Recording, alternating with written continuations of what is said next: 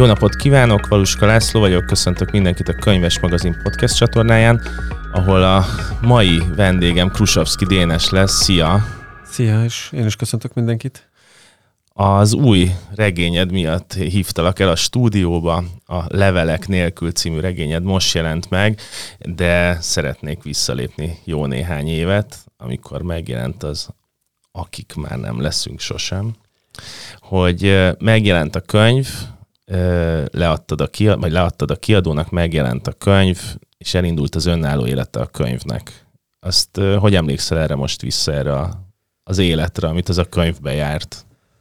Hú, ez egy nagyon izgalmas, meg érdekes történet volt. Ezt a kiadóban is beszéltünk róla párszor, hogy mi, vajon milyen tanulságokat lehet ebből levonni, vagy, vagy mit lehet ezzel kezdeni mert szerintem mindenkit meglepett az, hogy, hogy, hogy egyszer csak ennek a könyvnek lett egy ilyen erőteljes utóélete. 18 könyvhétre jelent meg, és akkor ahogyan szokott működni a könyvpiac, vagy a könyves szakma nagyjából, hogy, hogy a könyv hétig van egy ilyen könyvhéten főleg egy felfokozott figyelem, meg nagyjából odáig tart, aztán mindenki elmegy nyaralni, elviszi a könyveket, stb., és akkor talán úgy ősszel jönnek jobban a kritikák. Persze, hogy egy-egy interjú vagy ö, kritika megjelent már a nyár folyamán, és Károlyi Csabával készült egy ö, élet és irodalmas interjú szerintem augusztusban, amire olyan visszajelzéseket kaptam, hogy az úgy sokaknak felkeltette az érdeklődését, de, de akkor még ezért nem lehetett úgy látni, szóval, hogy, hogy a könyvhéten is úgy fogyott, meg volt rá egy figyelem, de nem, nem volt egy ilyen kiugróan kiemelkedő ö, könyve a, a 2018-as könyvhétnek, vagy tehát, hogy nem volt, nem volt megdöbbentően ö, nagy az érdeklődés, hanem ez olyan szépen lassan alakult, és, és ősszel kezdett ö, megmutatkozni az, hogy, hogy, hogy van egy ilyen folyamatos emelkedés a, a, a könyv eladásban is, meg az érdeklődésben úgy több megkeresés jött, és aztán karácsonyra el is fogyott a könyv, ami egy ilyen e, vicces helyzet volt, hogy, hogy, hogy pont addigra futotta ki magát a, az első e, első kiadás, hogy, hogy a karácsonyi e, vásárra már úgy éppen a, a vége volt még a boltokban, és szerintem a, ami, amikor ez átfordult, és ott már tényleg lehetett látni, hogy, hogy nagy, a, nagy az érdeklődés, az, az 19-nek az első fele volt, és tehát úgy mondjuk karácsony és évelején már ott, ott látszott, hogy, hogy, hogy van figyelem a, a könyv iránt, és az is egy érdekes dolog volt, hogy, hogy, hogy Ugye a könyvhéten volt egyszer egy ilyen hullám, aztán karácsony előtt volt egy ilyen érdeklődési hullám, és, és a nagy kérdés volt, hogy majd a, az új kiadás karácsony után évelején, amikor szintén nem annyira nagy a forgalom, akkor tudja még ö, tovább vinni ezt, a, ezt az érdeklődést, vagy ezt a vásárlói vagy olvasói érdeklődést is. Bizonyos fajta meglepetésünkre tudta, tehát hogy, hogy az éveleje is működött, és aztán még erre rájött akkor egy ilyen minden mából visszanézve nagyon már ilyen nosztalgikusan emlegethető ö, dolog, hogy az akkori két ö, elég nagy figyelemmel követett és meghatározó irodalmi díjnak a listáján rajta volt a regény. Ja, úgy értettem a nosztalgiát nyilván, hogy most már egyik sem létezik, Igen. tehát se az Egondi, se a Libri díj. Fene gondolta volna akkor, hogy ezek ilyen hirtelen fognak véget érni. Az Egondinak az volt az utolsó éve. A Libridi még ment tovább. És, és ez, ez, hogy ott a shortlistekre fölkerült, akkor az egy ilyen új lökést adott, és aztán az maga, hogy a Libri közönségdíjat megkapta, az is, és akkor ez, ez kitartott ugye, annak az évnek a végéig, és még, egy, még utána is, tehát hogy érdekes módon az érdeklődés az viszonylag hosszú ideig ö, ö, fönnmaradt, ma is, tehát hogy van még, van még egy ilyen ö, látható fogyása a könyvnek, amit talán az új regény is majd egy kicsit meg, meglendít, de, de nekem ez egy, ez, ez egy különleges tapasztalat volt, mert a verses köteteknél mindig az volt a benyomásom, hogy azoknak sokkal rövidebb a kifutása, mm. valahogy amikor megjelennek, akkor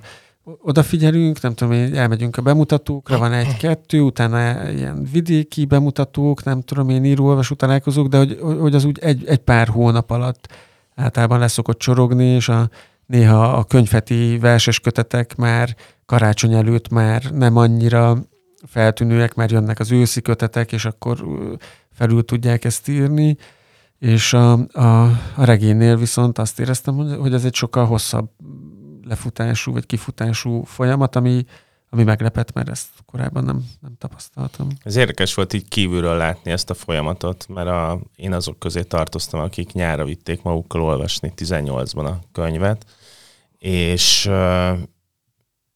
és tökre emlékszem, amikor így, így elkap ez a pillanat, hogy ez milyen jó ebben a regényben lenni, és azt hiszem én valamikor így ilyen november tájékán interjúztam veled, és aztán felkerült az évvégi listánkra a könyv, és arra emlékszem, hogy amikor a, a listára felkerült a könyv, akkor jöttek ilyen kérdések, tehát kaptunk egy csomó ilyen kérdést, hogy már nem lehet kapni a könyvet, és emlékszem, hogy lementem a, a Mamutba, a Libriboltba, és mondtam, hogy a Krusovszki regényéből szeretnék kérni, és mondták, hogy három napja elfogyott minden, és emlékszem, hogy a kiadóddal is beszéltem, mm. hogy szegények ott maradtak karácsonykor könyv nélkül. Az viszont sokkal jobban érdekel, hogy, és ezért is kérdeztem azt, hogy megszületik az első regény, nem tudom, hogy van-e különbség a között, hogy egy regénynek máshogy születik-e meg a, a, mint egy verses kötet, vagy egy novellás kötet, de hogy egy, egy nagy siker övezi. Hogy mennyire volt nehéz, könnyű, bonyolult az első után leülni a másodikat elkezdeni írni. Szokták mondani azt sokan, hogy nem is az első könyv teszi az írót, hanem a második, és hogy azt milyen nehéz megugrani. Van a kedvenc példám a Tóth Benedek, aki egyszer a Holt verseny után azt mondta, hogy most már, hogy ő, ő megkapta a Margó díjat a Holt versenyen, és akkor mondta utána, hogy lehet, hogy sokkal jobb lenne, ha második könyves díjat indítanánk el, mert hogy ez sokkal nagyobb falat, és most, hogy már az elsőn túl van, most már ezt érzi. Tehát neked milyen volt ez a folyamat, hogy újra egy regényvilágba kerüljél? Mert azért azt mondjuk ki, hogy a te könyvedet olyanok is olvasták, akik nem az élet és irodalom olvasói, hanem egészen színes közönség gyűlt össze, amit lehet jósolni abból, hogy több kiadást megélt a kötet, másfél meg azért is, mert elképesztő váratlan helyekről bukkant fel, akár az én baráti társágomban is váratlan helyeken bukkant fel a regény, meg olyan emberek beszéltek a, a nyilvánosságban is róla, akik ö, egyébként nem ezzel a magyar, kortás magyar szépirodalommal azonosítják magukat. Hát igen, ö, a, szerintem ennél a, az első regénynél, hogy még itt maradjak egy picit, és a kérdésedre válaszoljak, vagy megpróbálják valami, valahogyan végig gondolni, hogy mi is volt, ami, ami nekem érdekes volt, és a kiadónak is szerintem, és ezért nem lehetett uh, kiszámítani, tehát hogy ez a karácsonyi dolog, ez egy, úgy tűnik, mint egy ilyen malőr, de, de hogy tényleg nem lehetett látni, hogy, hogy mi fog történni, tehát ez nem a kiadó hibája volt.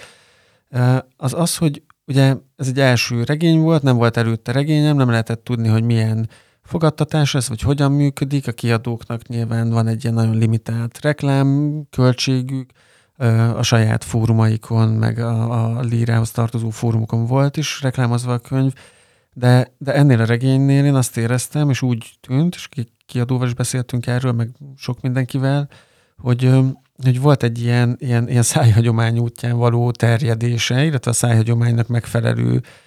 online felületeken. Tehát a, egyszer én akkor nem voltam még, most sem vagyok nagyon aktív az Instagramon, de akkor meg egyáltalán nem voltam a közelében sem, és egyszer kérdezte valaki, hogy te látod, hogy az Instagramon mi, mi, mi megy a könyvvel, és akkor mondtam, hogy nem, nem, hát én egy, egyáltalán nem látom, miért mi megy. És akkor mondta, hogy egyszer nézd meg, és akkor írt be, hogy nem tudom én, hashtag Krusovszki, vagy valami ilyesmit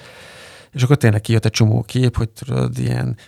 csészével lefotózva, fűben lefotózva, ezt olvasom, hú, de szuper, nem tudom én, valaki a körmét olyan színűre festette, mint a borító, meg szóval tudod, ezek az ilyen instagramos jelenségek, és akkor úgy tűnt, hogy ott tényleg van egy ilyen, ilyen folyamat, ami, ami kvázi egy, egy komoly reklám kampánynak megfelelt, csak nem, nem, nem a, a kiadó csinálta, nem egy cég csinálta, hanem az emberek mm a, a saját fórumaikon, meg a saját felületeiken, mint egy ilyen reklámozták, hogy nekik ez egy jó élmény volt. Amiről azt gondolom, hogy amúgy ennél jobb nagyon nem történhet egy könyvvel, mint hogy az olvasók kezdik egymásnak ajángatni, és, és valószínűleg a, az, hogy, hogy elég hosszú ideig kitartott az érdeklődés, az is ennek volt köszönhető, mert a reklámkampányok is leszoktak futni egy idő után, meg minden, de ez az olvasói érdeklődés, meg az olvasói ajángatás, az, az jó sokáig kitart, és akkor például e, elég sok ilyen olvasó klubba hívtak el, ami nekem ugyancsak egy új élmény volt, mert előtte nem nagyon ö, jártam vendégként sem, meg résztvevőként sem ilyen, ilyen olvasókörökben, és, az, és akkor derült ki számomra, hogy ez nagyon sok embert elér, tehát ezek a kis körök, ezek így működnek, és voltam nyugdíjas orvos, or, orvosok olvasó körében, voltam ilyen Ez az igazi tanárok. polgári kör, látod? Ah, nem, ez tényleg nagyon érdekes volt, és akkor ott mindenki hozta a kis pogácsáját, meg a e, teát, meg bort, meg nem tudom én mit, és akkor beszél, azt mondták, ezek általában olyan alkalmak voltak, amikor ők már külön beszéltek a mhm. regényről, és egy ilyen extraként megkeresek engem, hogy esetleg hajlandó lennék elmenni, és akkor mindig ilyen nagy örömmel mentem, nyilván ez még a Covid még ott nem zavart be, és, és ott látszott már, hogy, hogy tényleg olyanokhoz jut el, akik szeretnek olvasni, de nem, nem irodalmárok, és a tájékozódásuk sem követi a, az irodalomnak a mondjuk a szakmai, nem tudom én, felületeit feltétlenül, vagy, vagy kis átfedéssel mondjuk talán az és némelyik járatja, vagy járatta, vagy figyeli, de, de nagyon sok volt olyan, ahol, ahol egyáltalán nem, tehát ahol, ahol teljesen ö, ö, másféle orientációval működő ö, olvasók voltak egy ilyen kis klubban, és ilyen nagy lelkesedéssel, meg érdeklődéssel beszéltek a dologról. Ezekből én amúgy nagyon sokat Hát a profitáltam, az hülyén hangzik, mert ez olyan, mintha valami üzlet lett volna, de hogy, hogy nagyon sok élményt gyűjtöttem, meg nagyon sok nem is csak visszajelzést, hanem mondjuk ilyen plusz tudást utólag a könyvhöz. Ha már említettem az előbb az orvosokat, ott például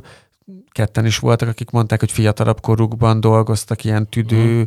mm. Bénultakat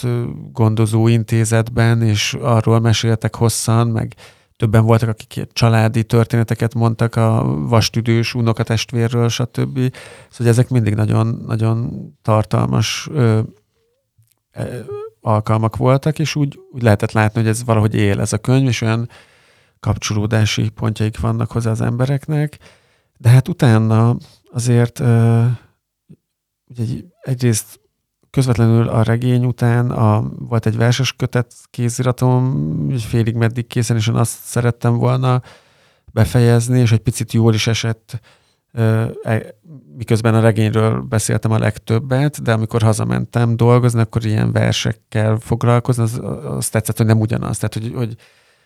még azon is gondolkodtam, hogyha valaki csak prózát ír, annak sokkal nehezebb lehet. Mm. Én viszont mint egy ilyen menekülő utat találtam meg magamnak a, vagy újra megtaláltam, vagy vissza tudtam térni a, a versekhez, és akkor annak a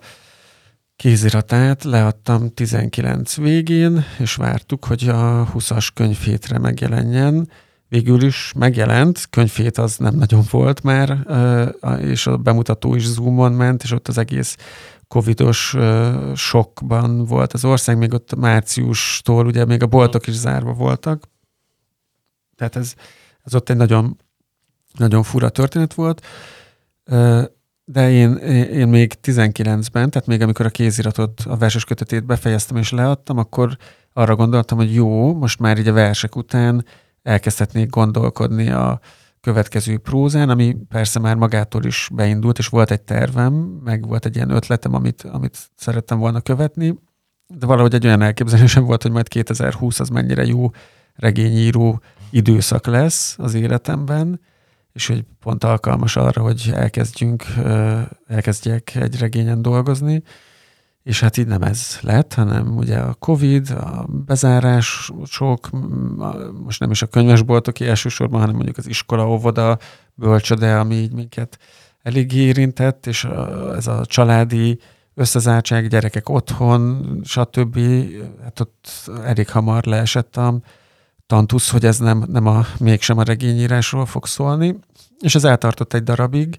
nyilván, erre emlékszünk, hogy jóval tovább tartott, mint amire először gondoltunk, és úgy, úgy a nem tudom, lelki békém érdekében is tényleg egy picit azt gondoltam, hogy akkor ezt most el kell engednem, mert hogyha folyton azon idegeskedek, hogy miért nem tudok a regényen foglalkozni, akkor átalakulok ilyen szörny apává, és a gyerekeimen fogom ö, kitölteni a frusztrációmat, és ezt nagyon nem szerettem volna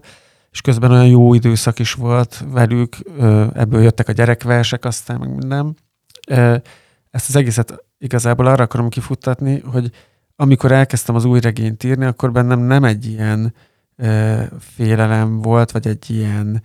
szorongás attól, hogy most milyen lesz a másodikat megírni, hanem az, hogy így na végre újra olyan Én időszak van. Covid egy nagy cezúra volt. Igen, igen, és amikor abból úgy egy kicsit úgy már látszott a kiút, és már egy picit olyan rendezettebbek voltak a napok, és el tudtak menni a gyerekek oda, ahová kellett, én meg otthon tudtam maradni és írni a könyvet, neki kezdeni valaminek, akkor a, a, az már inkább egy ilyen nagy felszabadulással járt együtt, szóval hogy abszolút nem a, az első regény sikerének a szorongása mozg, motivált, vagy mozgott bennem, a, a, akkor már, hanem az, hogy basszus, most ezt neki kell kezdeni, mert, mert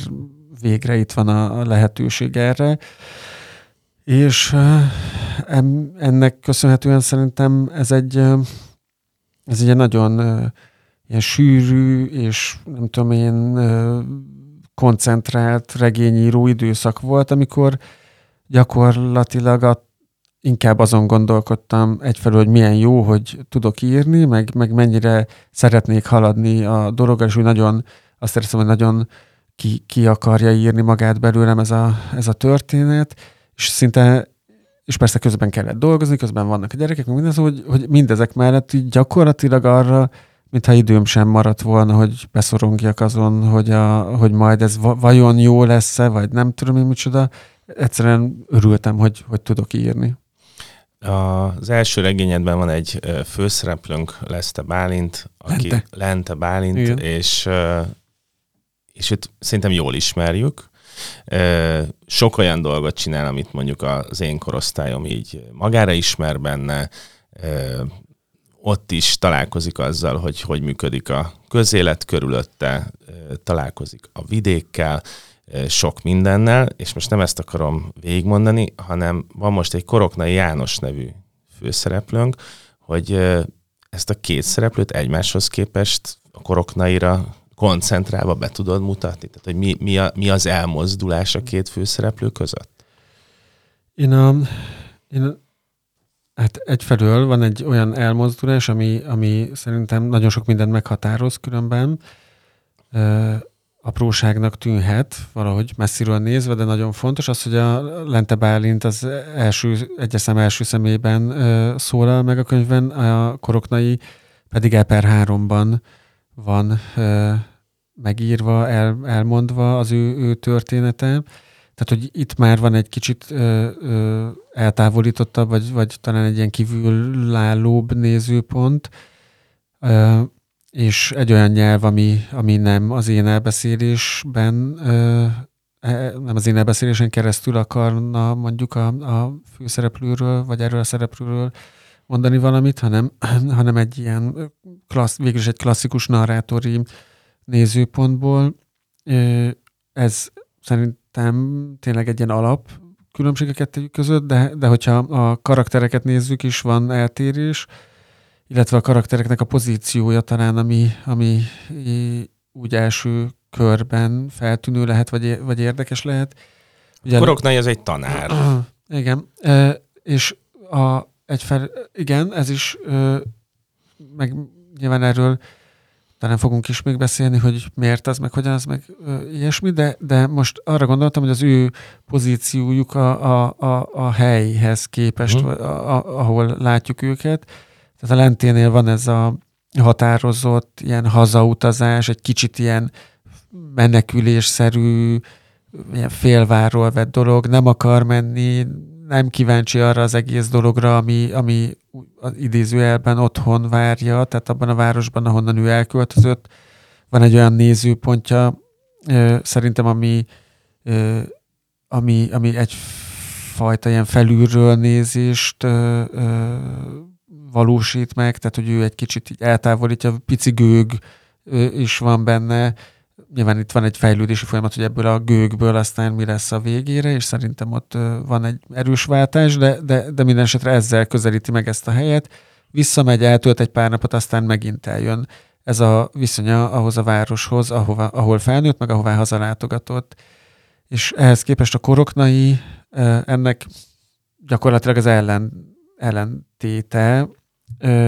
aki ő hazamegy és ott marad. Tehát, hogy ő az, aki Budapestre megy el csak rövid időre, és aztán visszaköltözik, tehát hogy ő az, aki marad. A lenténél uh, inkább arról lehetett beszélni, hogy milyen az eltávolodás, milyen az eltolása az egész gyerekkori uh, milliónek. A koroknainál meg az az érdekes, hogy mi az, amikor valaki úgy dönt, hogy marad, mi az, amikor visszaköltözik, mi, milyen motivációi vannak a maradóknak. Uh, nemrégiben beszélgettem erről, hogy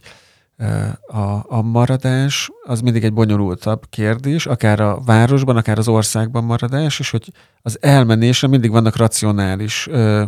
ö, narratívák. Tehát, hogyha most azt nézzük, hogy elmennek a nem tudom, Magyarországról a generációnkból sokan elmennek Magyarországra, azt mindig meg lehet racionálisan magyarázni. A karrier, a fizetés, a jobb körülmények, stb. ezek ilyen racionális magyarázatok. De amikor sokszor ezek a, az elköltözők hazajönnek, akkor olyankor általában már mindig csak személyes magyarázatok vannak. És egy picit a lenténél is, vagy a koroknainál is ezt éreztem, hogy, hogy míg a lentének volt egy racionális narratívája arról, hogy miért kell onnan elmenni, és mi, mi az elmenetel, és neki az volt irracionális, hogy hogyan tolja el ezt magától, vagy hogyan nem dolgozta föl ezt az egészet. A, a koroknainál ugye nincsen ilyen, ilyen ö, könnyen racionalizálható magyarázata annak, hogy miért dönt úgy, hogy abban a kisvárosban marad, és ez, ez nagyon érdekelt, és, ö, és hát az is ö, érdekelt, hogy ez a, ez a, ez a nem, racionál, nem racionális ö, döntés tulajdonképpen, ö, ez hogyan, hogyan írható meg, vagy, vagy mi, mivel lenne alátámasztható, vagy én nem akarom megmagyarázni helyette, ez volt az érzésem, és remélem, hogy nincs is túl magyarázva a könyvben, hanem inkább bemutatni szerettem volna, hogy mi, mi van vele, vagy mi van a fejében, és, és úgy látni a viszonyok, viszonyokat körülötte, amik között azt mondja ki, hogy nincsen értelme elköltözni, és, és ez érdekel. Tehát, hogy ilyen értelemben szerintem amúgy ez nem egy ilyen pár regény, tehát hogy, hogy nyilván sok szempontból össze lehet őket hozni, meg egymással, össze, egy, egymásra lehet olvasni, meg a helyszín az nagyon adja ezt, de hogy a, a karaktereknél éppen egy ilyen ellentétes mozgás van, és ez, ez érdekelt is. Nem is gondoltam, hogy ez pár regény, hanem azon gondolkodtam olvasás közben, hogy a, tehát eltelik a két könyv között öt év, és a Koroknai nevű ö, emberünket ott találjuk egy helyen, ahol egyszer csak elkezdenek a természeti jelenségek megtörténni, és, és hogy ilyen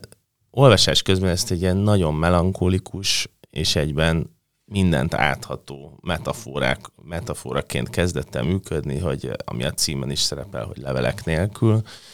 és, és hogy ez az öt év nem a két könyvet összepárosítva, hanem hogy, hogy lehet-e azt mondani, hogy egyébként ennyivel melankolikusabb és rosszabb a hangulatunk itt. Én ezen gondolkoztam sokat közben. Hát szerintem biztosan lehet, szóval azért ez az öt év uh, elég sűrű volt, vagy hogy is lehet ezt mondani, sűrű volt Magyarországon, sűrű Európában, meg az Európának ennek a felén, meg hát az egész világon, ugye az a Covid tapasztalat, az egyre erőteljesebb ilyen klímaszorongásos narratívák, erre az egészre bejött a háború 2022-ben, amire azért szerintem nagyon kevesen számítottak, hogy egy ekkora konfliktus fog itt tőlünk nem messze kialakulni. Még akkor is, tehát ez a tipikus, hogy ha látjuk az előjeleit, sem hisszük el, uh-huh. hogy ez, ez megtörténhet, de hát tapasztalatunk mostanában az, hogy amiről nem hisszük el, hogy megtörténhet, az általában megtörténik előbb-utóbb, és, és ezek azért nem, nem egy e, e, ezek között nagyon kevés a, a felszabadultságra okot adó, nem tudom én, történés, miközben, és szerintem ez a regényben is benne van valahol, hogy ugye a hétköznapi élet itt legalábbis, nyilván a háborús vidékeken ez egy teljesen más dolog, de a, a, azt nem is én fogom megírni, mert hogy arról aztán végképp elképzelésem sincs, és nem, nem is szeretném, hogy legyen, de hogy, hogy az, az itteni tapasztalat az mégis csak valamilyen módon az volt, hogy, hogy van egy krízis, van egy ilyen globális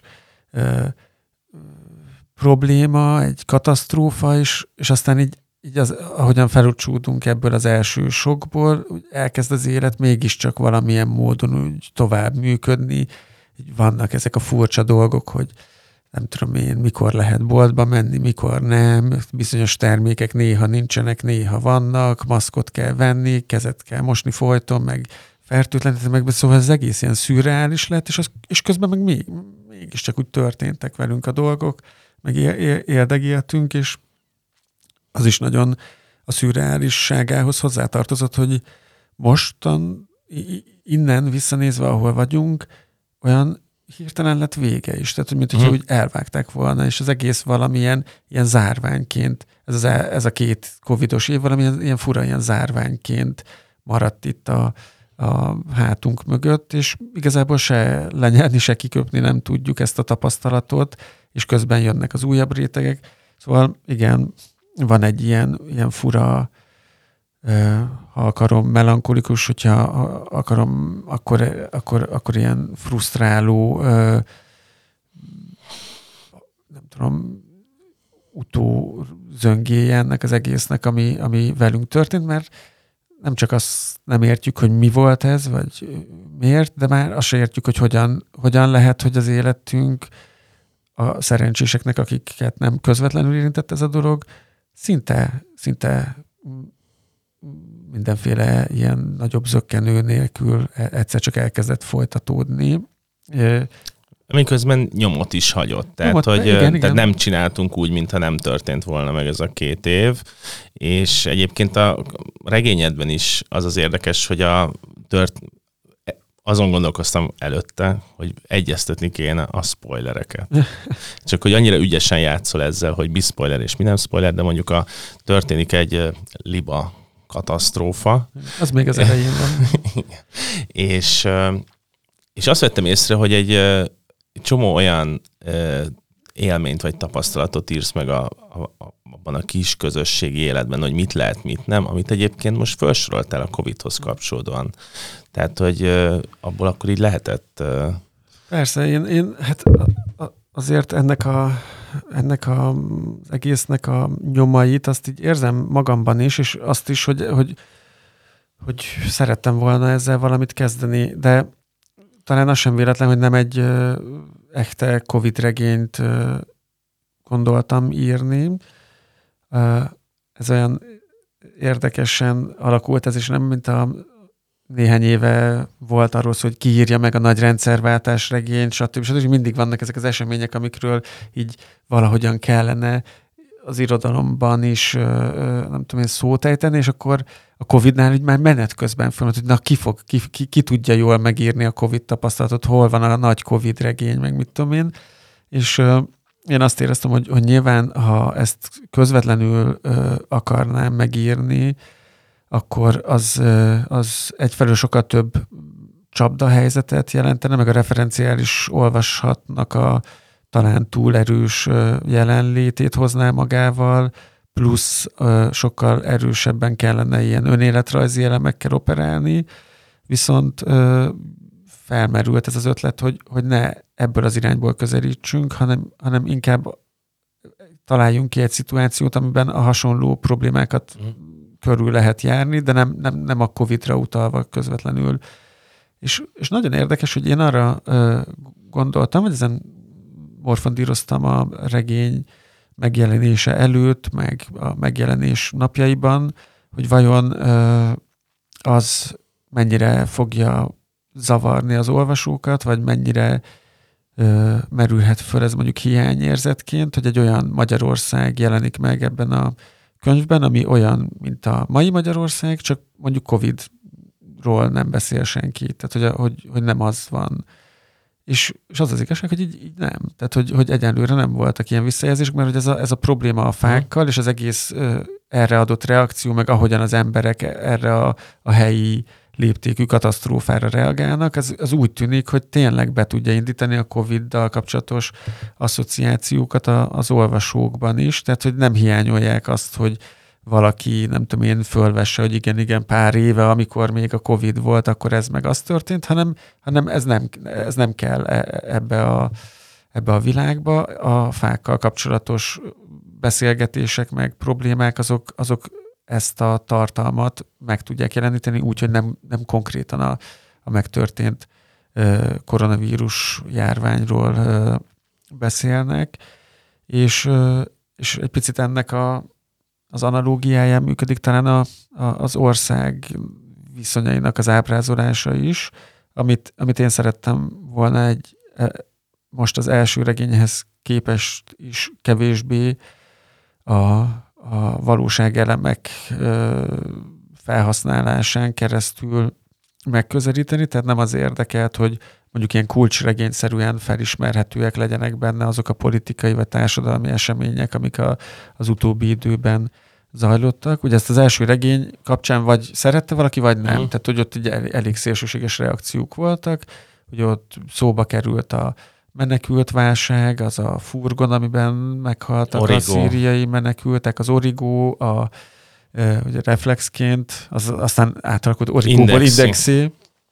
és szóba kerültek a, akár a roma gyilkosságok is megjelentek a háttérben, a Trump elnökről Igen. van szó, meg szóval hogy így, ott, ott nagyon sok ilyen valóságelem bukkant fel, ami, amiért egy, az olvasók egy része tök hálás volt, és ez, ez, ez vitte őket, és őket is érdekelt, hogy ez a közös tudás, ez hogyan tükröződik vissza a könyvben. Egy más része az olvasóknak meg kicsit pamfletszerűnek, vagy ilyen publicisztikaszerűnek érezte, ahogyan ezek megjelennek, meg egyáltalán azt, hogy ilyen sok valóságelem ö, ö, jön egymás után a, regényben. A, a levelek nélkülben tényleg azt akartam, hogy nehezen, ne, ne ez ö, irányítsa az olvasást, tehát hogy ne, ne, ne az ilyen elemeknek a megtalálása. Egy-kettő van benne, ami vagy nagyon oda kívánkozott, vagy utólag döntöttem úgy, hogy mondjuk ne húzzuk ki, de, de alapvetően nem erről van szó, szóval a politikai pártnak a neve nincs kimondva, az sincs tisztázva, hogy akkor ez most egy ilyen milyen rendszer, amiben élnek. És ez az, amit tudunk. Hát igen, igen, de, de hogy én azt szeretem a levelek. Volna, csak hogy igen, de, de hogy ne a felül közelítsünk, hogy bedobok neveket, és, a, és mm. azzal megmagyarázom a, a regénynek a hangulatát, vagy a regénynek a viszonyait, hanem, hanem hogy a viszonyok magukért beszéljenek, tehát ahogyan a vidéki újságíró beszél a vidéki közmunkással, és azok beszélnek a tanárral, meg mit tudom én, hogy abból a párbeszédből derüljön ki anélkül, hogy ők bármiféle politikai tartalmat konkrétan kibeszélnének, beszélnek a fákról, és ab, abból viszont derüljön ki az, hogy, hogy mi az a közeg, vagy hogy működik, amiben élnek, és hogyha ez rezonál arra, amiben vagyunk, akkor, ez, akkor így jártunk,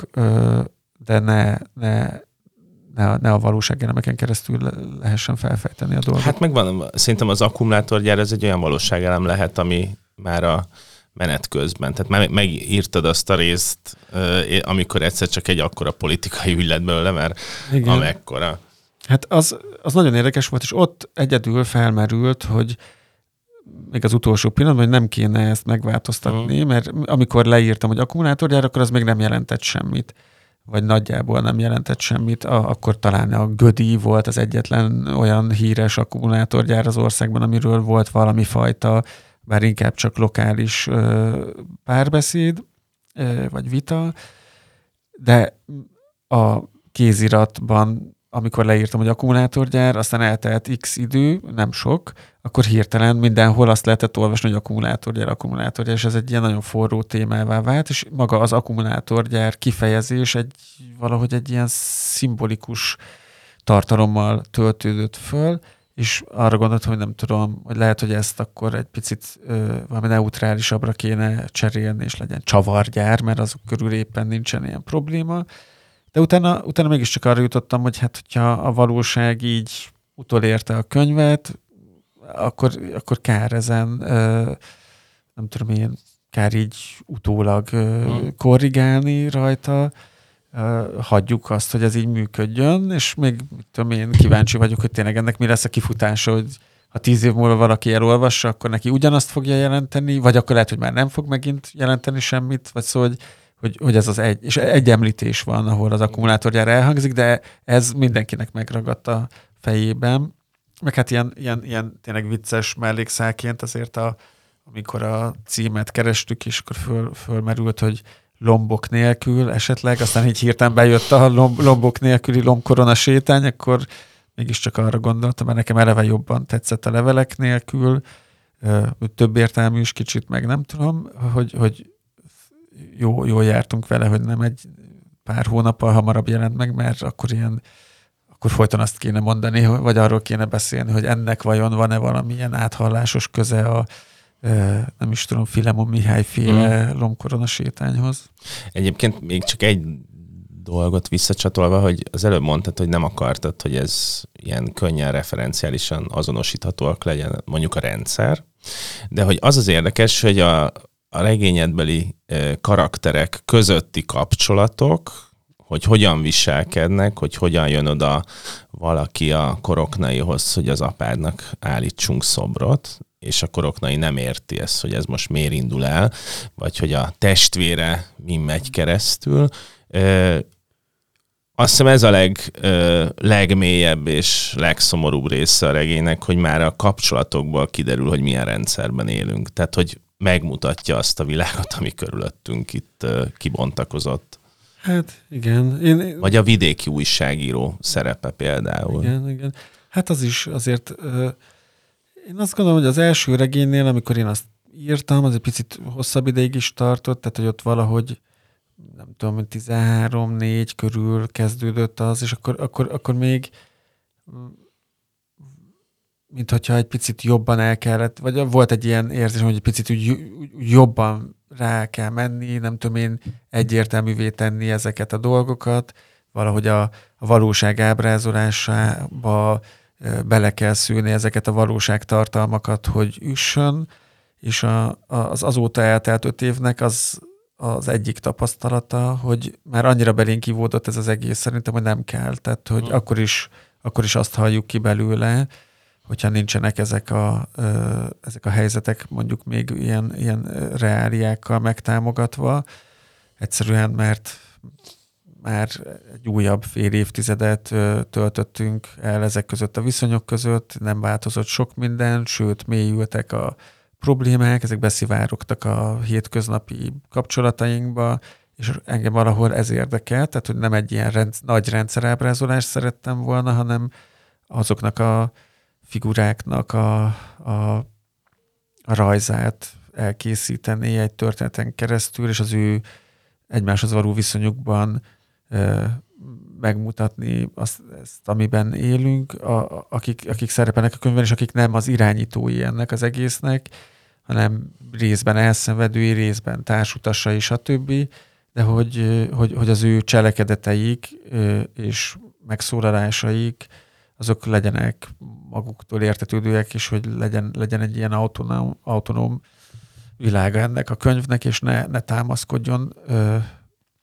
túlságosan a, a külvilág elemeire, mert, mert egyfelől nem is kell talán, másfelől meg, mert nem erről szól feltétlenül, hanem, hanem arról, hogy ez az egész milyen hatása van a viszonyokra. Szóval hogy most nem a rendszerről akarok írni, hmm. hanem a, arról, hogy milyen hatása van a viszonyokra, és akkor inkább azokra figyelek. És ebben mennyiben segített az, hogy kifejezetten fontos, hogy rejtélyek vannak, ami, ami azért is fontos, mert egyfelől megidéznek műfajokat, és egy idő után rájöttem, hogy engem tökre visz az olvasásban az, hogy folyamatosan van valami utalása a rejtélyekre, és, és hogy várom, hogy, hogy mi lesz a megoldás, mert ez, ez az a olvasói helyzet, amiben, vagy nézői helyzet, inkább most kitágítva egy kicsit, ami, iszonyú jól segíti az olvasást, hogy, hogy haladjunk a szövegben, mert mindig ott van az, hogy ugyanúgy, hogy a koroknainak is rá kell jönnie dolgokra, ki kell nyomozni a bizonyos értelemben dolgokat. Úgy nekünk olvasóként is ez a feladatunk, és nagyon lendületesen teszi ezt a könyv. Igen, de szerintem ezek a rejtélyek nincsenek feloldva, azt hiszem, tehát hogy, hogy egyértelmű megoldások. I- inkább most engem nem is az, hogy most föl van oldva, ha. hanem maga a, az a szándék, hogy, hogy egy rejtély felől ismerjük meg a közösséget, vagy a problémákat. Hát igen, de én, én azt valahogy ez, ez is lehet, hogy a, a Covid-os időszakhoz is kapcsolódik, vagy a Covid-nak a tapasztalatához, meg, meg úgy egyáltalán ez egy ilyen, ilyen én úgy érzem, vagy úgy éreztem akkor is, amikor írtam, meg azóta is, hogy, hogy egy ilyen nagyon furcsa időszakban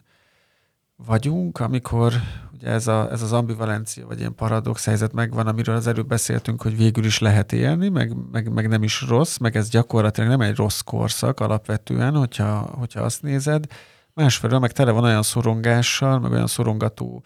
perspektívákkal, amiknek, amik igazából elég nehezen megragadhatók. Tehát, hogyha a, a, mondjuk a klímaválságra gondolok, amely egy nagy narratívája ennek a korszaknak, akkor ott van egy ilyen dolog, amine, amiről tapasztalatunk nagyon kevés van, de fel, feltételezzük, hogy ez tényleg létezik, és, és, és lát, látjuk ennek a jeleit is, de közben meg azért a hétköznapi életünkben még nem szenvedjük el. Tehát ez egész egy ilyen, ilyen megelőlegezett dolog, és ez is már picit ilyen rejtéként működik, hogy valahogyan arra kell felfűznünk az életünk következő éveit, mondják sokan, hogy ezt a nagy katasztrófát elkerüljük, de egyenlőre még ebből nagyon keveset tapasztalunk, és, és nem, nem, nem, ez nem egy ilyen zsigeri dolog, vagy nem válik azzá, hanem ez egy ilyen, ilyen elme ügy. Tehát, hogy ez egy olyan katasztrófa, amit igazából észre kell felfogni, az azt szerintem egy nagyon zavarbejtő dolog, és ugyanez volt bizonyos értelemben a Covid is, hogy látjuk, hogy valami történik, ott persze voltak közvetlen tapasztalataink, de nem nagyon értettük, hogy mi ez, és ö, szerintem nem értjük a mai napig sem teljesen, és, és nyilván nagyon nehéz megérteni egy ilyen vírusnak a működését, pláne egy világjárványnak a működését, tehát hogy ezek között, a dolgok között éltük le az elmúlt néhány évet, és ez mind csupa olyan ügy, ami, aminek a valószínűségét, vagy a realitását azt nem, nem nagyon tudjuk kétségbe vonni, bár a Covid-ot is tagadják, mint hogy a klímaváltozást is tagadják sokan, tehát hogy azért látjuk azt is, hogy a valóság is ilyen képlékeny dolog, hogy bármit lehet tagadni, és bármitől be lehet szorongani, vagy hát a bármi az túlzás, de mondjuk ezeket a nagy narratívákat lehet akár tagadni is, meg lehet életprogramként arra készülni, hogy, hogy ezek visszatérnek, vagy megvalósulnak, vagy, vagy tényleg megtörténik valami nagy katasztrófa, de, de igazán nem tudjuk megfogni őket mégsem, nagyon képlékenyek, és, és így valahogy ez, ez, ez izgatott, hogy, hogy, hogy tényleg lett egy ilyen, ilyen világélményünk, amiben olyan dolgokkal kell folyton szembesülnünk, és azok szervezik sok szempontból az életünket, amiket vagy nem értünk, vagy ha valamennyire kapizsgáljuk, és nagyon nehezen ö, tudunk stratégiát kidolgozni rájuk, vagy a velük való szembenézésre, és, és ezt éreztem úgy, hogy, hogy átfordítható a regényben is egy ilyen, ilyen világtapasztalatra, amiben, amiben ö, sokkal kevesebb ö, egyértelmű magyarázat van, és viszont van egy ilyen közérzeti tapasztalat. Tehát, hogy mondjuk a klíma, hogyha klímaválságról beszélünk, akkor annak egyenlőre a, az, á, az általános szintje az inkább egy közérzeti szint, talán egy ilyen pszichés ö, ö, nem tudom, reakció, amit, amit tudunk erre adni. Ugye itt a fiatalabb generációknál szoktak mindig a klímaszorongásról, uh-huh. ami, ami egy valós szorongás, tehát, hogy de, de maga a reakció az pszichés, és akkor a, a regénynél is az, az érdekelt, hogy, hogy hogyan lehet ezeket a, az ilyen problémákat mondjuk ábrázolni, vagy, vagy, vagy azoknak ilyen megfelelő analógiát találni, ahol nem a felfejtés, meg nem a leleplezés, meg nem a ö, magyarázat, amire kifut ö, válik érdekessé, hanem, hanem ez a pszichés effektus, amit közben ö, maga után hagy a, a, azokra, akik e, ezekhez a kérdésekhez közel kerültek. Ö, talán ez, talán ez az, amit így alapszinten gondolnék arról, hogy miért van egyfajta ilyen rejtély struktúra beleszűve, vagy hát többfajta rejtély struktúra beleszűve. A, ha a koroknainál próbáljuk egy kicsit körbejárni ezt az iskolai környezetet, az előbb említetted a fiatalokat, akik klímaszoronganak, hogy ebben a könyvben ugye a diákok azok kimennek tüntetni, jó sok minden történik velük, de hogy azzal párhuzamosan, hogy közben a levelek nélkül élnek, meg ilyen fura dolgok történnek, olyan kontextus kap, mint hogyha ennek a generációnak, amiről ezek az, amik, ezek az iskolások jelentenek, ezeknek mint hogy tényleg felszámolódott volna a jövőképük. Mert hát van egy, a, a, a klíma katasztrófás jövőkép, egyébként ami a regényből kiderül, olyan nagy lehetőségek egyébként se a szűk környezetükben, se a tágabb környezetükben nincsen. Tehát amikor a koroknai ott marad, az valószínűleg a diákok nagy részével optimális esetben nem történik meg.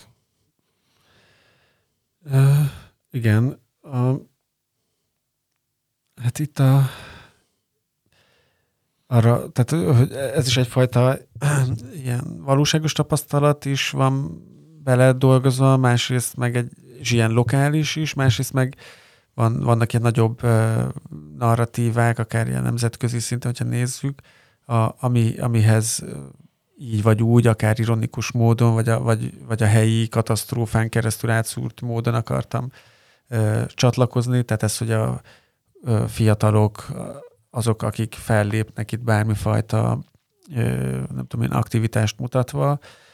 az e, egy mondjuk egy ilyen kisvárosban szerintem szükségszerű gyakorlatilag, és nekem is a saját életemből nagyjából az volt a tapasztalatom, hogy ezek olyan helyek Magyarországon, ahol mondjuk ilyen tízezren laknak, és mind, a, a következő generációk mindig úgy elmennek 18 évesen, mert gimnázium még van, de felsőoktatás nincs, és akkor van egy ilyen folyamatos ilyen vetés forgószerűség, vagy hát nem is forog, hanem így folyamatosan ki, kifelé küldi, exportálja valahogy a gyerekeket a, a város egyre távolabbi pontokra. De éppen ezért az a, például az az aktív réteg, ami, ami mondjuk a nagyobb városokban ott szokott lenni, akiket mondjuk egyetemistáknak lehet hívni így összefoglalóan, az nincs, nincsen jelen. Tehát, hogy a, ezt a fajta aktivitást, ezt maximum a, a középiskolás generáció tudja megmutatni. Aki ott van, fiatal felnőtt vagy idősebb felnőtt, azok általában már ez ilyesmivel nem foglalkoznak. Ott az szokott lenni egy ilyen kisvárosban, hogy haza költözik, családot alapít, nem tudom én, vagy oda költözik, nem is haza, hanem inkább az, hogy valahonnan jön valami miatt, és akkor ott marad családot alapít, de nem folyik bele ezekbe a dolgokba. Tehát, hogy ezt, ezt muszáj a, a kamaszoknak csinálni, hogyha bármi ilyesmi, ilyesmire van szükség, vagy úgy látják, hogy erre szükség van és hát közben ugye van az, hogy azt is látjuk, hogy a klíma narratívának is nagyon erőteljesen ez a fiatal tinédzser generáció, nem is tudom most ez mi, alfa generáció a zászlójövője. Amúgy amikor a regénybeli Harsányi Léna tart egy beszédet, akkor ott így egy-két mondatot a picit átírva a Greta Thunbergnek az ENSZ-ben elmondott beszédéből idéztem, szóval hogy ott így, így e, ez van, vagy amikor nem tudom én paradicsom szószal öntik le a fákat, akkor az picit a, én valahogy az lebegett a szemem előtt, mint amikor a nem tudom, fiatal aktivisták a nagy múzeumokban mm. ott a mindenféle szószokat locsolgatják, tehát ennek nyilván egy ilyen kisvárosi, kicsit ironikus, de azért nem, nem cinikus, hanem nem tudom, én azt gondolom, hogy elég empatikus olvasata lenne ez, meg a koroknainak a nézőpontja, ami ehhez kapcsolódik. Nem is tudom, hogy ez válasz a kérdésedre, de hogy, hogy, hogy azt, azt éreztem, hogy ez, ez a generáció, ez valamilyen módon kell, hogy reagáljon, mert nincsen senki más, aki reagálna, és mert ez kimondatlanul is az ő, ő, ő, terepük, hogy, hogy az ilyesmire tudjanak reagálni. De hát persze ebben van fikció, mert azért azt is látjuk, hogy közben nem mindenhol és nem minden dologban ilyen aktív ez a generáció sem, de mondjuk itt pont ez így történt, bár nagyon rövid ez az aktivitás is, és utána úgy, úgy hirtelen elhal, és, és utána zajlik tovább az ő életük a, a megszokott módon, bár nyilván nem ugyanúgy, mint előtte, de, de hogy ezt, ezt szerettem volna valamilyen módon megközelíteni a, a diákok ábrázolásán keresztül, meg a tanár hozzájuk fűződő viszonyán keresztül. És hát a tanár is tanul ebből a viselkedésből. A, a regényed úgy épül föl, hogy három részből áll, van a mondjuk az elbeszélői jelen, amiben Koroknai az iskolában van, így innen indulunk. A középső az egy flashback a múltba, a koroknai családját lehet megismerni, és a harmadikban végül az elbeszélő jelennek a folytatásához térünk vissza. Ez azért volt számomra tök izgalmas, mert hogy apró lépésekkel elkezdjük megismerni a koroknai személyiségét, és, illet, és családját olyan értelemben, hogy kiderül, hogy az apjával, amit az előbb említettem, hogy ő korábban elhunyt, és szobrot szeretnének neki avatni, az édesanyja az ö, nyugdíjas otthonban van, Igen, kórházban, öregek, öregek, öregek otthonában van, és a, a testvérére is vannak már utalások, hogy mi van vele,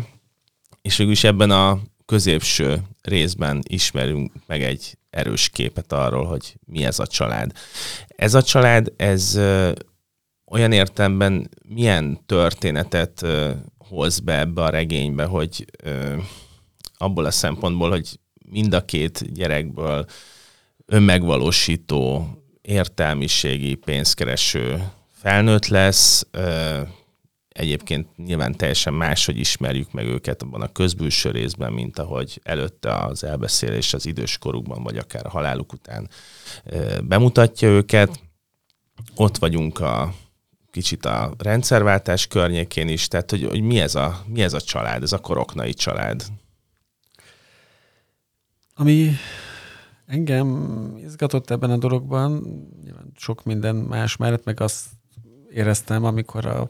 koroknai figuráján elkezdtem gondolkodni, és így egyre, egyre plastikusabban jelent meg előttem, hogy először ő érdekel, de utána érdekelt az, hogy akkor ennek az alaknak vajon milyen szülei lehetnek, azokhoz milyen viszonya van, van-e testvére, nem, és akkor tudod, ezek olyan szépen lassan épültek ki, és sok több dolog volt, amire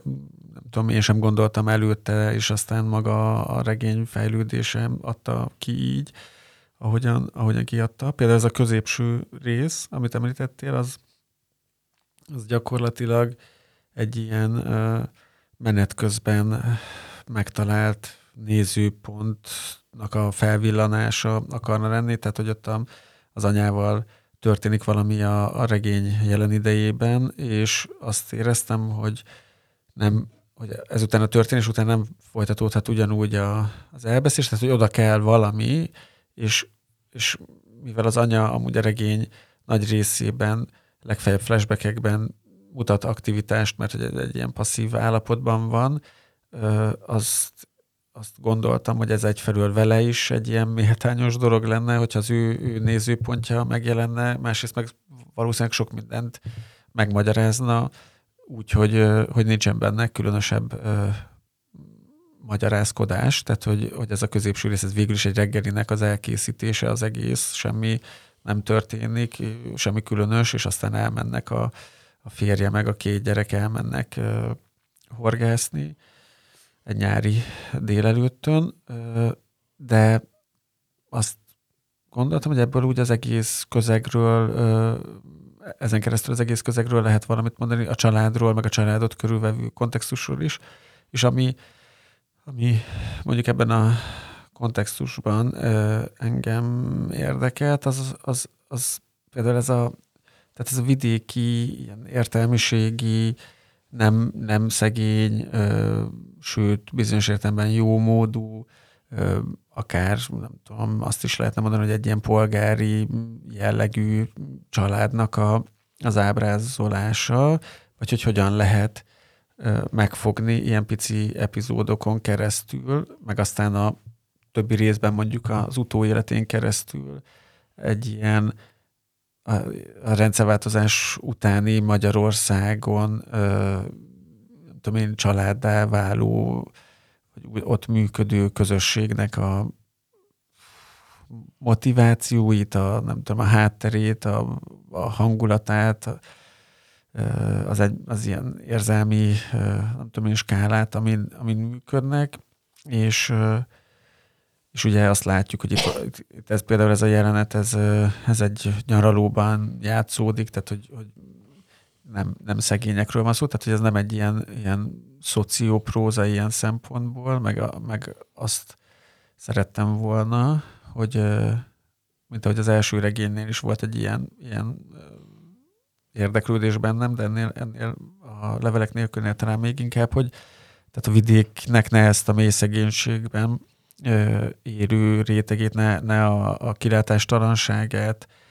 ábrázoljuk, vagy, a, vagy ne a kilátástalanságon keresztül ö, keresünk magyarázatot bizonyos dolgokra, hanem, hanem azt nézzük meg, hogy akiknek van ö, lehetősége, kibejárása, mobilitása, tőkéje, nem tudom én, arra, hogy egy autonóm életet éljenek, és autonóm döntéseket hozzanak meg, az ö, hogyan működött, meg honnan, hova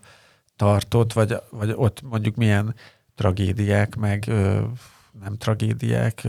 történhettek körülöttük, szóval hogy, hogy vala, vala, valahogyan ez, tehát ez a, ez a középosztálynak mondjuk a felsőbb rétegébe, de, de mondjuk azért inkább csak úgy a középosztályt, bár nem is tudom, hogy ez létezik, ugye mostanában ez a vita van, de ha, ha leegyszerűsítő, ha nem mondjuk úgy, hogy ez egy középosztálybeli vidéki család, ugye az anya könyvtáros, az apa iskolában tanít, aztán iskola igazgató lesz, aztán a polgármester, aztán ö, történik valami, tehát hogy ő ebben a vidéki ö, kisvárosi elitben azért egy ö, aktívan ö, résztvevő figura. Ö, az anya ehhez képest egy ilyen passzív, ebbe a háziasszony szerepbe zárt alak, és hogy ezt nem akartam túl hosszan kifejteni, hanem, hanem inkább csak ilyen jeleneteken keresztül ábrázolni, vagy mondjuk ezen a, az ide-oda utalgatásokkal, meg flashbackekkel teretűzött, amúgy is flashback-szerű középső fejezettel próbáltam ezt valamennyire megvillantani, és utána folytatni azzal, ami előtte megszakadt a cselekményben, de szerintem az lett volna a cél, és remélem, hogy ez működik valahol, hogy emiatt elkezdjük hirtelen másképp is látni. Tehát, hogy ott a folytatásnál ez, ezen már át legyen ö, szűrve az olvasói nézőpont. Ö, szóval ez volt mondom, a, ha, ha ilyen társadalmi értelemben közelítjük meg, akkor, akkor ez, a, ez az ilyen, ilyen saját döntési nem tudom én, potenciállal rendelkező, és azzal jól vagy rosszul élni igyekvő kvázi középosztály, vidéki középosztály jelenjen, jelenjen meg nagyjából. és a, a jelenbeli szárban a koroknainál ugye ennek valami fajta eh, továbbvitele, vagy, e, vagy ennek az ezzel való szembenézés van, a testvére meg az, aki ebből ki, kiemelkedik, el, elmegy ebből a közegből, akinek karrierje van, aki fontos ember, bár nem teljesen világos, hogy miért, de, de látjuk, hogy hogyan reagál rá mondjuk a kisvárosi elit, amikor ő megjelenik, meg tudom én. Tehát, hogy, hogy ott az is legyen feladva mondjuk ez a labda, hogy, hogy ebből a közegből hogyan lehet karrier irányba kiemelkedni, hogyan lehet ilyen önreflexívabb irányban tovább gondolni az eseményeket, ez mondjuk a koroknainak, tehát a tanárnak a szála, és visszamenőleg milyen döntések mit jelenthetnek, vagy mit nem, és hogy ez a közeg nek az emlékezet, a helyi emlékezet politikájában mindenre milyen, milyen reakció lehet. Talán számomra mondjuk ez a legkiábrándítóbb, hogyha ilyet lehet mondani. Tehát, hogy hiába egy ö, zártabb közeg, hiába egy ilyen ö, kisebb ö, közösség, a, az emlékezet politikának az ilyen vakfoltjai, gesztus sokban kimerülő stratégiája, az egésznek a kiüresítése, az mégiscsak megjelenik, és ezen a szoborállítási problematikán hmm. keresztül ez, ez, ezt igyekeztem ábrázolni, és a, a koroknainak az erre adott válasza, amiben úgy belesodródik, és ott mégis csak szót kap, és valahogyan tud reagálni, az meg egy ilyen csendes lázadásként képzeltem el, aminek a, elsősorban ő rá van hatása, és nem a környezetére. A, a vidéki középosztály története, az, az nem tudom, hogy így a rendszerváltás után milyen nagy formátumú művekben jelenik meg. És ezt csak azért hozom szóba, mert szerintem az nagyon izgalmas, hogy általában a, az ilyen elbeszélésekben a, a, a kis hely az arra szolgál, hogy onnan legyen egy ugródeszka, ahonnan bejárhat egy nagy ívet a főszereplő általában, és itt ugye Koroknai az ott marad, és, és ezért megismerjük egyébként azt, hogy hogy működik a,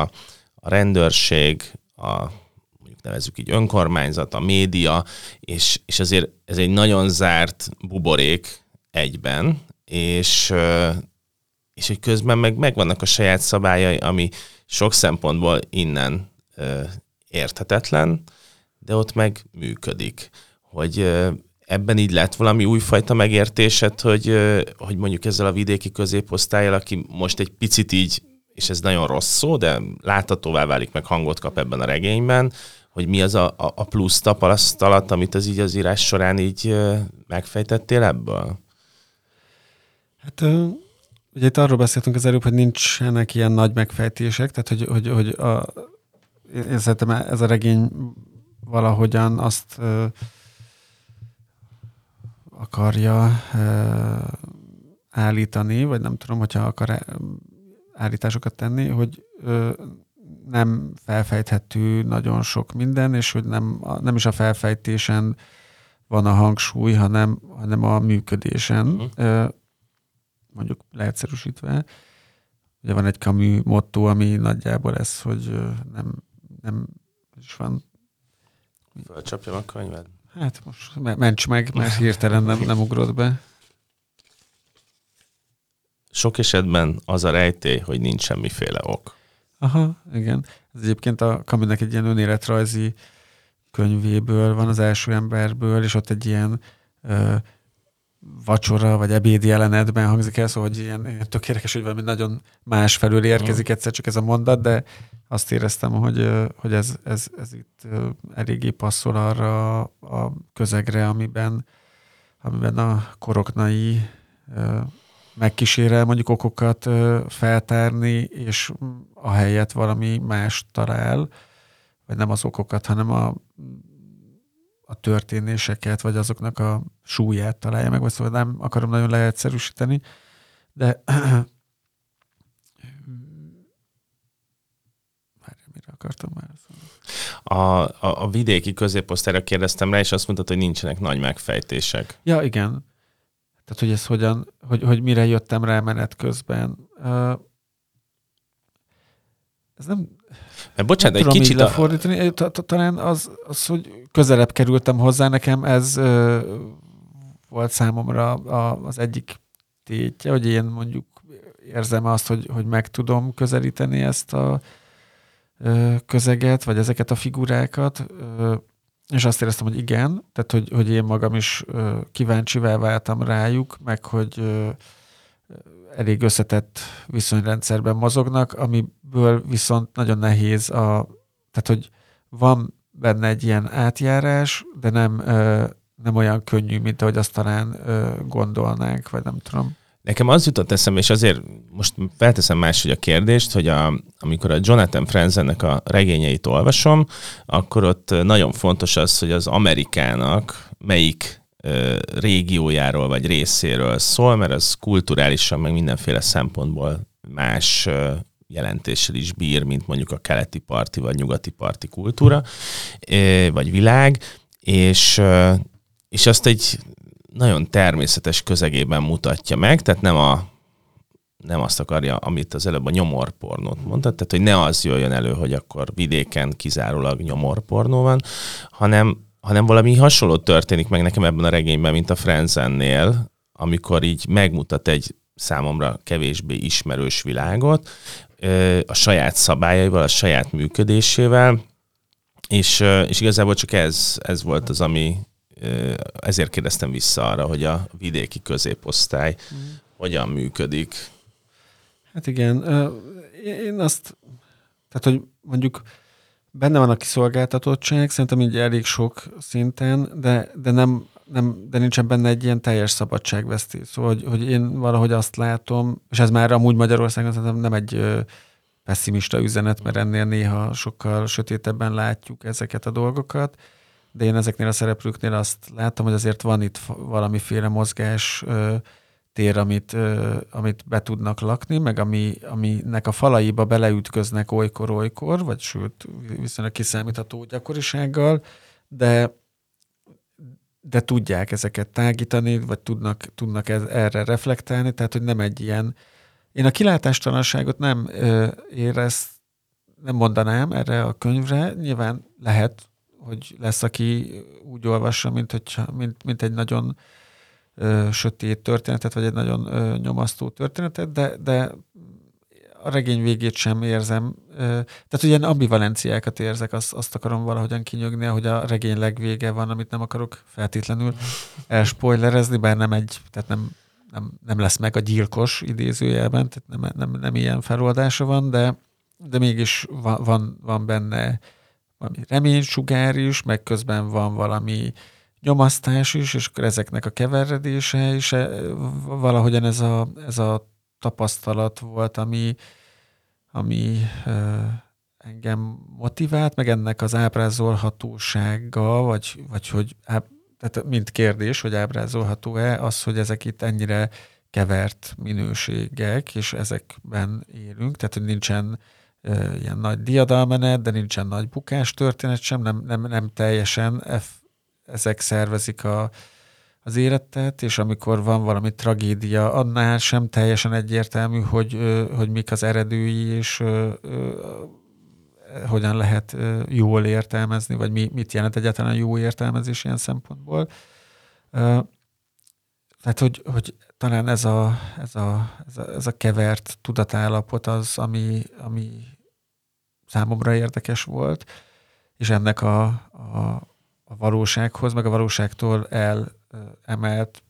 minőségekhez való viszonya. Tehát, hogy a, akár a, hogyha ilyen elemelt minőségnek lehet mondani a fákkal történő eseményeket, vagy a libákkal történő dolgot, akkor, akkor az erre adott ilyen reakciók, amik a, a maguk módján artikulálódnak a, a történetben, ez, és, és egyik sem érzem, egyikről sem érzem azt, hogy, hogy, hogy túlságosan ö, könnyű lenne átfordítani őket, tehát nem, nem, nem tudom elmondani más szavakra lefordítva, hogy pontosan mit gondolok arról, hogy most a libás történetnek mi a vége, vagy hogy a fák, fás történetnek mi a vége, mert, mert nem, nem, a, nem a vége az érdekes, hanem, hanem ez az egésznek a, ez, a, ez a fura ilyen mondom, ilyen, ilyen ambivalens kavargása. De hogyha már az előbb a Frenzent mondtad, akkor szerintem azt most azon túl, hogy egyébként maga a város nincsen megnevezve, de ugye a, a régió az megvan, vagy, vagy a tájegység, és arról elég sok szó van, tehát hogy a tájhoz való viszony az egy ilyen, azt hiszem, hogy egy, az egész regényen végig futó vonulat, de, de ez szerintem Amúgy ezzel a könyvvel kapcsolatban is felvethető, hogy, hogy hát ez mondjuk nem, nem egy nyugat-magyarországi uh-huh. történet, és így az érezhető is benne talán, hogy, a, hogy, hogy azért a nyugat az valamilyen szempontból messze van, tehát hogy, hogy itt, itt ne, így arra felé van egy ilyen nézés, Budapest felé elsősorban, de hát azon túlra is,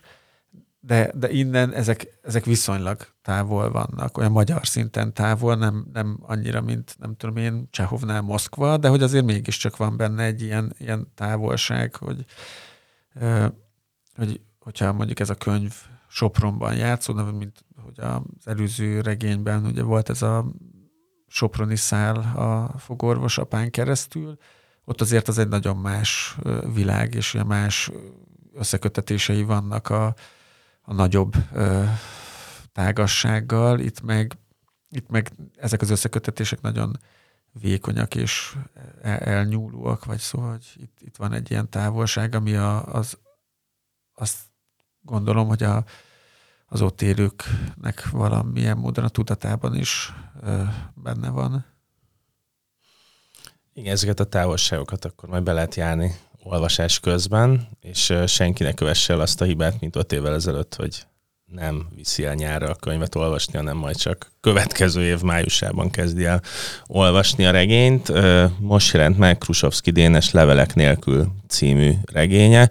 Erről beszélgettünk. Köszönöm szépen, Dénes, hogy itt voltál velünk. Nagyon szépen köszönöm a lehetőséget. Olvassátok el a regényt,